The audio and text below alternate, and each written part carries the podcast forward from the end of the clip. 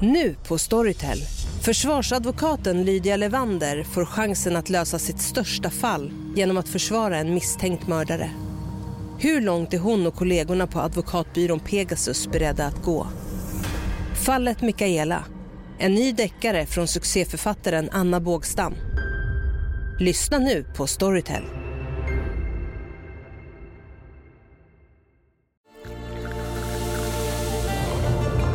Välkommen till Maccafé på utvalda McDonalds restauranger med Baristakaffe till rimligt pris.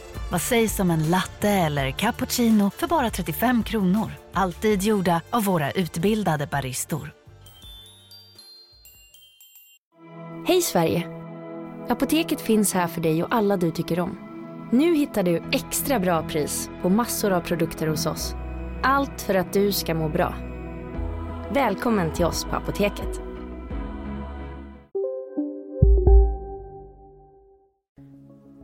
Anton har ringt sju gånger idag. Förstår han inte hur mycket jag hatar honom? Han är bara fullare och fullare när han ringer. Jag börjar faktiskt bli riktigt orolig. Jag vet att han kan ta sig till vad som helst. Jag har ärligt talat aldrig varit så här rädd för någon. I dagens avsnitt ska vi prata om en händelse som inträffade på Docentgatan i Malmö.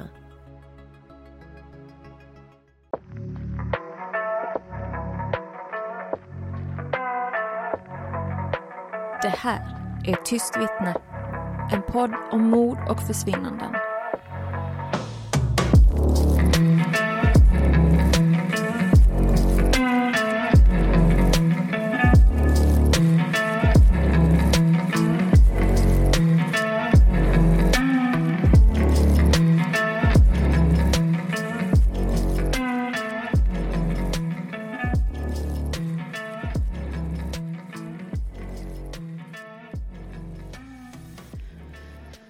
Välkomna till dagens avsnitt av Tyst vittne med mig Jenny och Alex!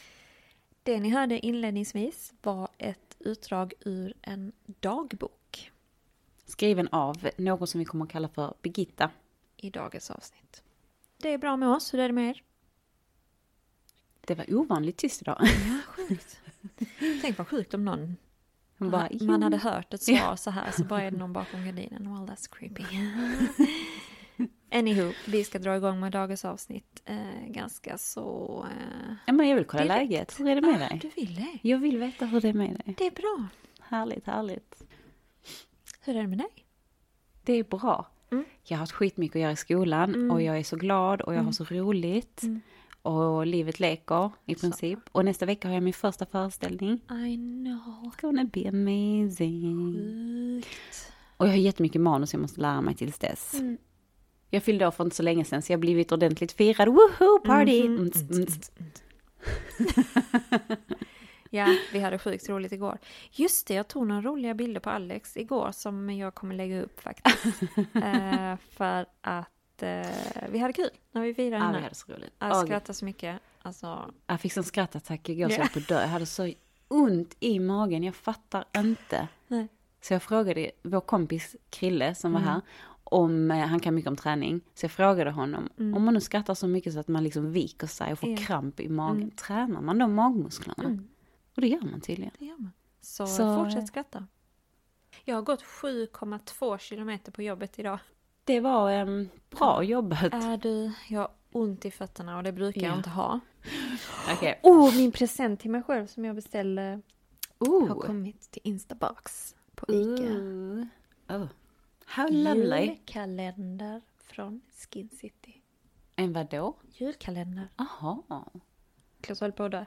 Ja. Han bara, vad kostar den? 500? Jag bara, du är så söt. jag bara, jag tror på faktura. Men jag kommer bli glad varje dag i 24 dagar i december.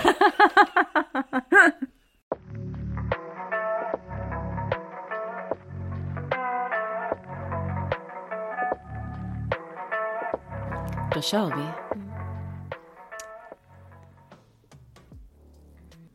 1993 träffas Anton och Birgitta och inleder ett förhållande.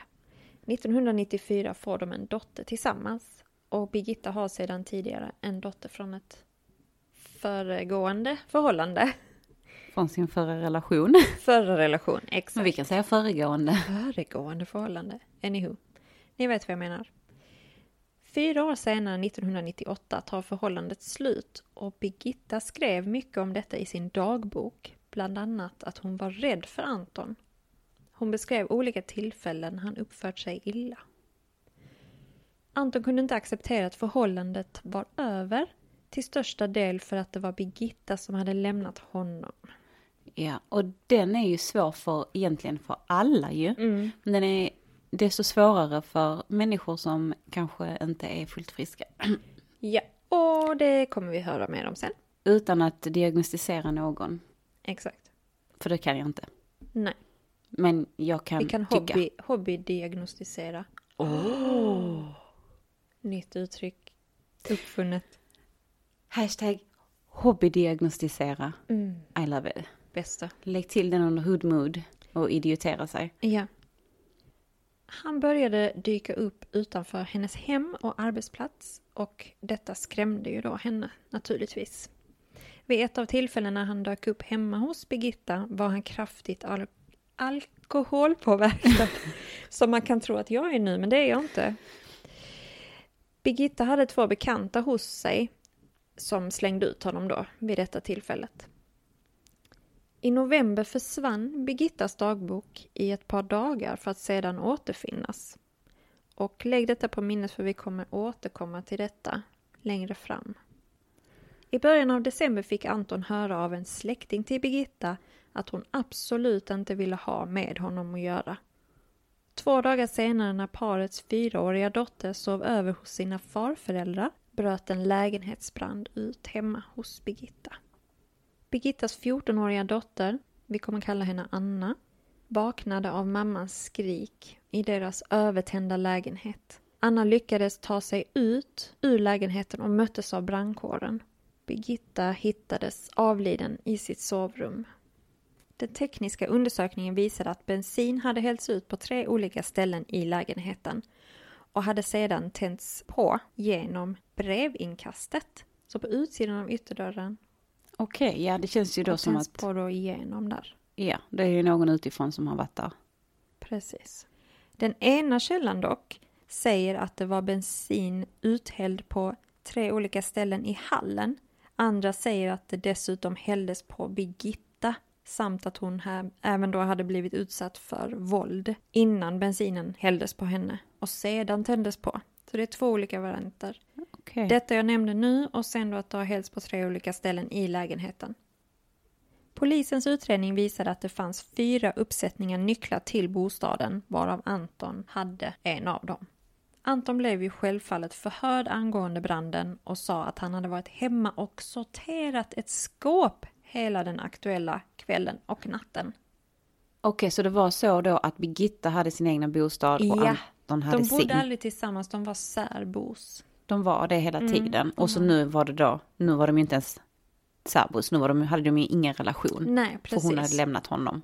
Ja, Okej. och deras gemensamma dotter spenderade natten hos hans föräldrar Ja, just denna natten. Anton blev ju självfallet förhörd då, som jag sa. Han hade således chansen att med sin nyckel öppna ytterdörren, smyga in och genomföra dådet. Detta var dock redan för början ett indiciemål. Och vad är ett indiciemål? Det är att det kan ha varit så att den här personen genomförde dådet för att du hade inget vattentätt alibi.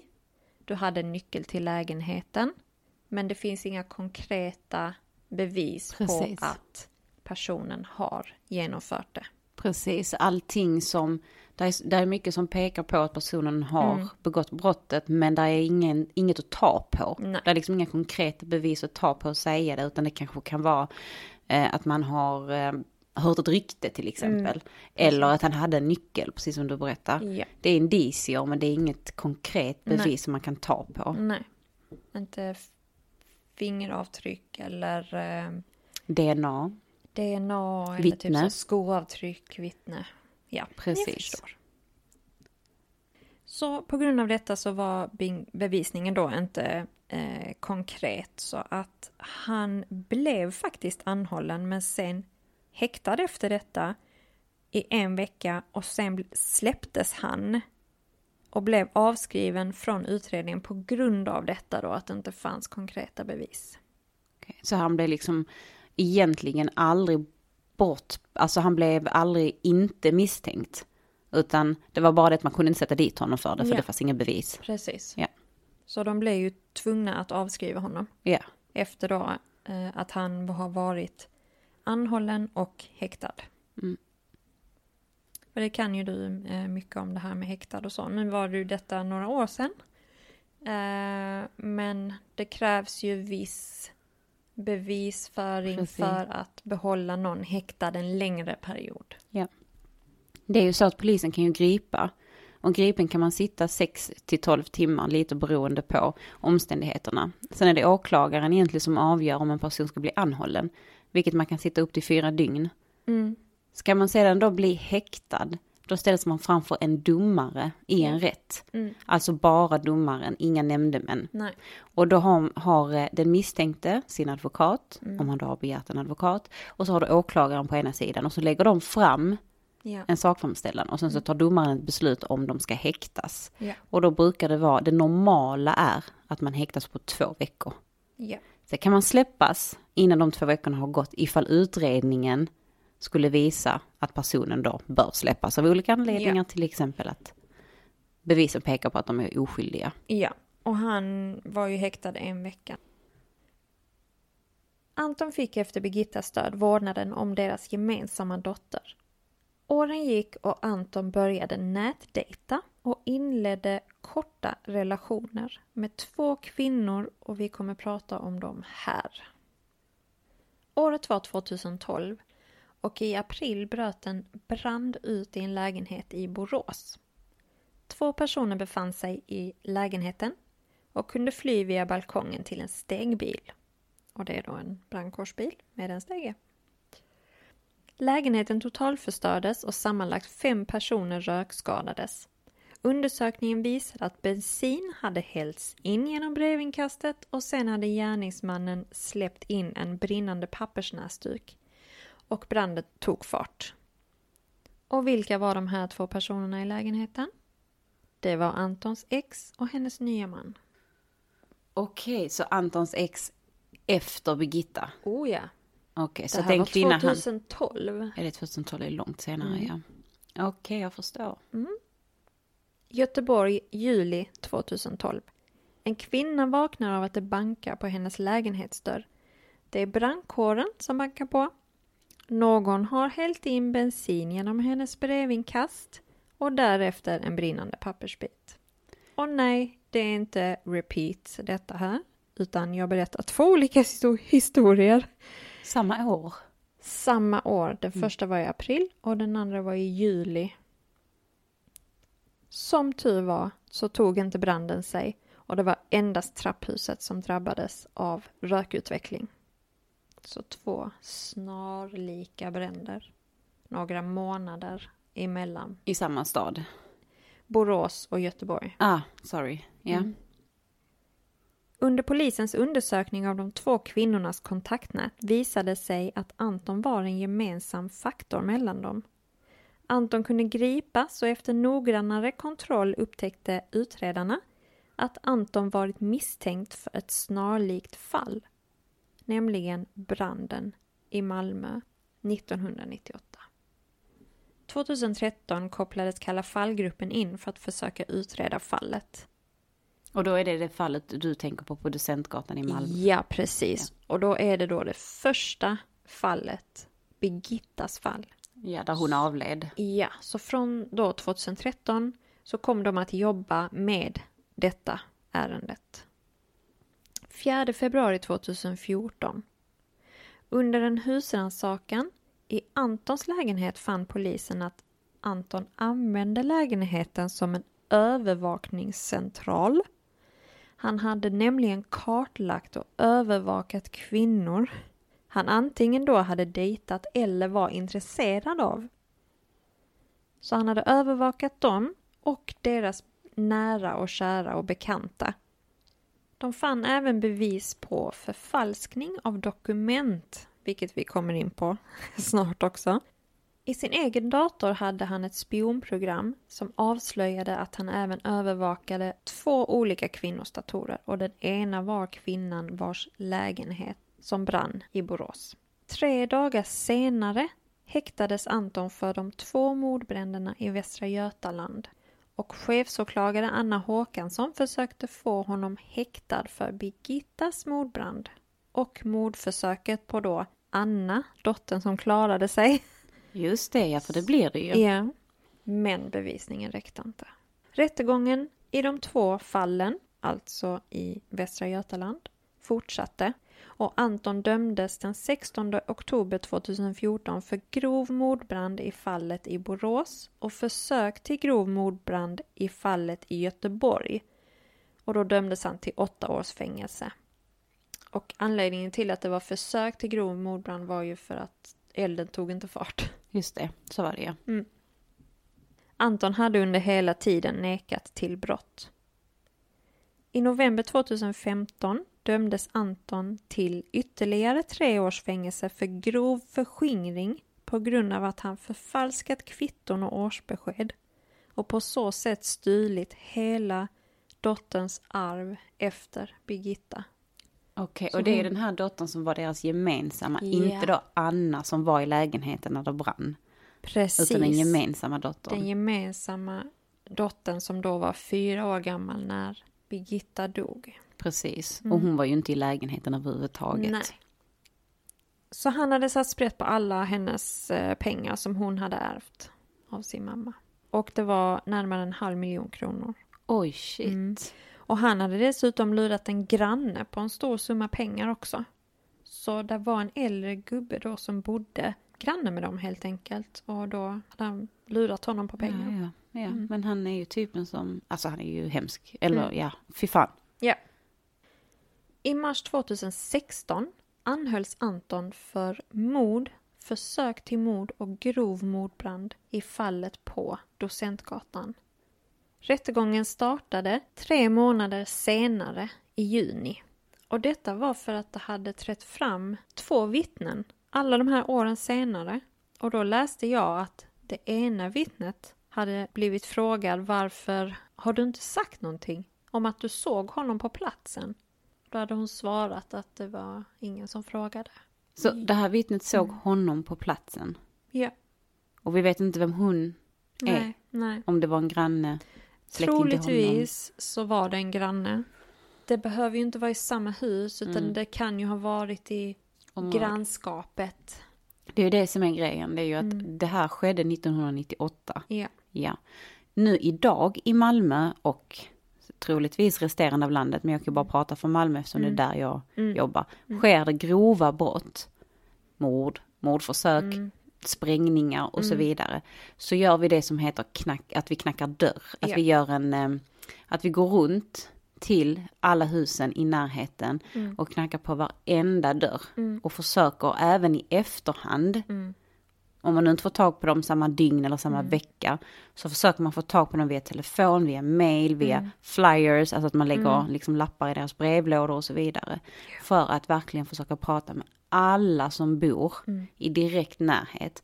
Och då snackar vi om, om vi säger att det är en gård Mm. och det händer en mittentrappa på en gård och det är två hus mitt emot varandra. Ja.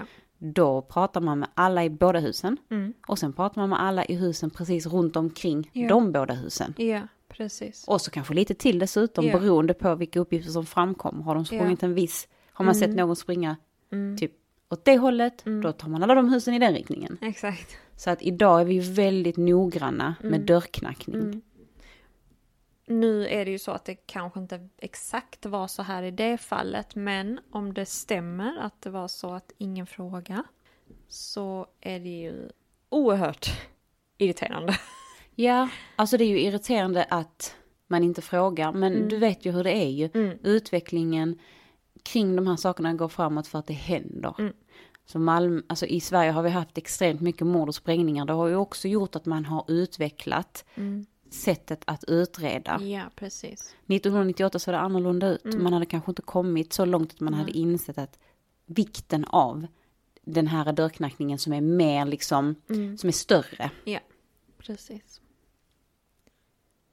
Anton åtalades i tingsrätten.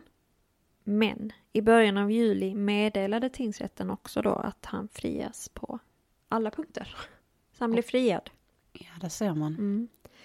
Men åklagaren överklagade till hovrätten och i mars 2017 så ändrade hovrätten tingsrättens friande domslut.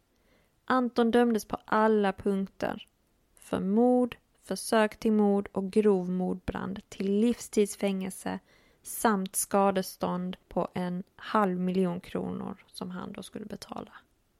Han fortsatte trots detta att neka och han fick sin advokat att ansöka om prövning i högsta domstolen. Men de avslog. Så det här var alltså vad som hände Anton. Yep. Och han fick vad han förtjänade, Mm. även om det var långt efter. Mm. Däremot så fanns det ju fler personer inblandade i det här. Och det är ju släktingar och nära kära. Framförallt en person som vi kommer att kalla för Sofie. Du har redan pratat om henne och det var ju, eller det är ju Anton och Birgittas gemensamma dotter. Och som sagt, alla namnen fungerade. Sofie fick ju växa upp med sin pappa. Eftersom han fick vårdnaden om henne när Birgitta hade avlidit och efter att han då hade förhörts och man hade avskrivit honom.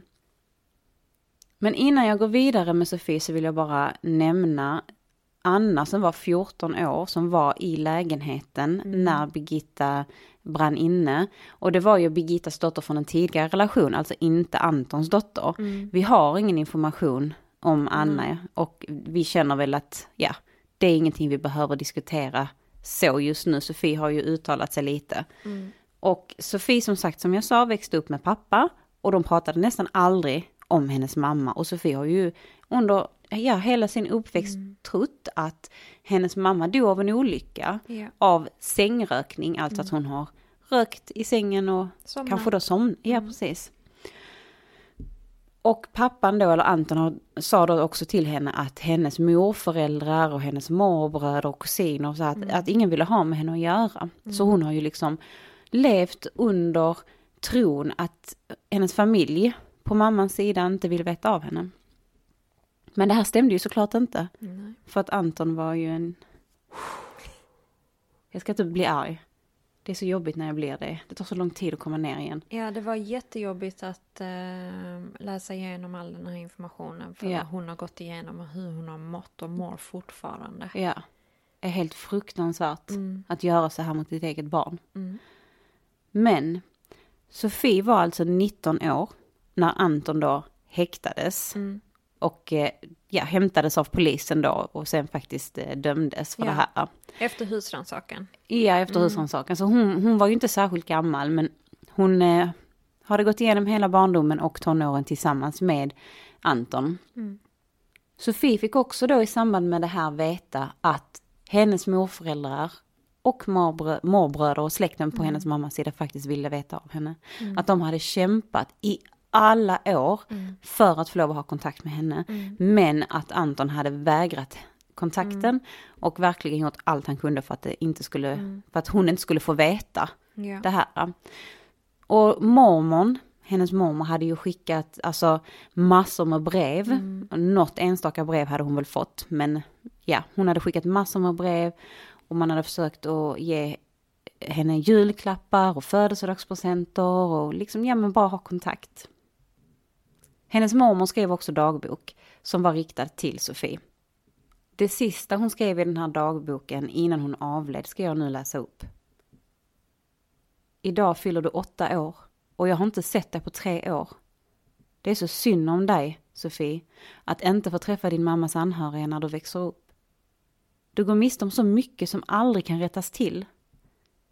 Jag tänker på dig hela dagen. Du fyller på årets vackraste tid. Alla vårblommor lyser i sina vackra färger. Att inte få gratulera sitt barnbarn känns otroligt grymt. Det, det var jobbigt första gången jag läste den. eh. Efter det här så gick eh, Sofies mormor bort. Och även eh, Sofies eh, morfar, han går bort innan eh, Sofie fick reda på det här. Men hon fick kontakt med resten av släkten och bland annat en morbror. Och hon har fått stöd hos dem efter allting som har hänt. Idag har hon ingen kontakt med sin pappa Anton, hon har brutit alla band med honom. Mm.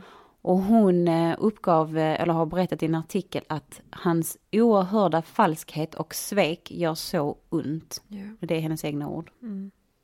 Och vi känner för henne. Mm. Det kan inte vara lätt att få reda på det här eh, när man är 19 år gammal.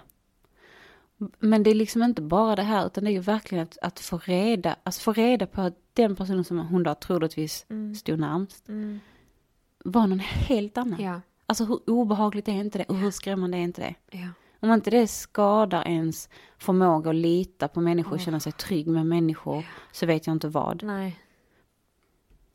Och det här, vad var det vi hade för er den här veckan?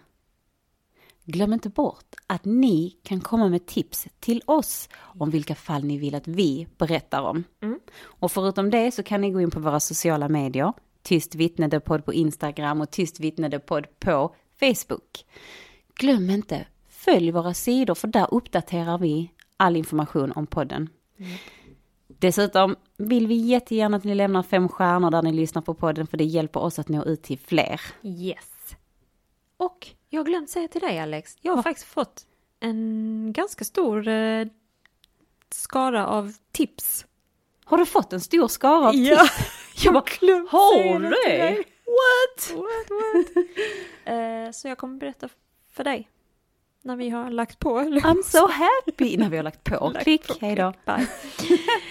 Vad roligt, jag är så Ja. glad, yay! Mm, så vi har a lot of work to do. Yes, det har vi. Mm. Tack för att ni har lyssnat. We love you. Stay safe. Ge oss fem stjärnor. Hej då. Toodles. Bye. Kära lyssnare, jag bryter in här i slutmusiken för att berätta för er att nästa vecka kommer vi göra ett uppehåll. Det innebär att det blir inget nytt avsnitt nästa söndag. Anledningen till det här är för att vi har väldigt mycket att göra. Bland annat har jag min allra första teaterföreställning. Men veckan efter är vi tillbaka precis som vanligt. Glöm inte att gå in på våra sociala medier för uppdateringar och nyheter. Tyst vittne the podd. Hej då! Toodles!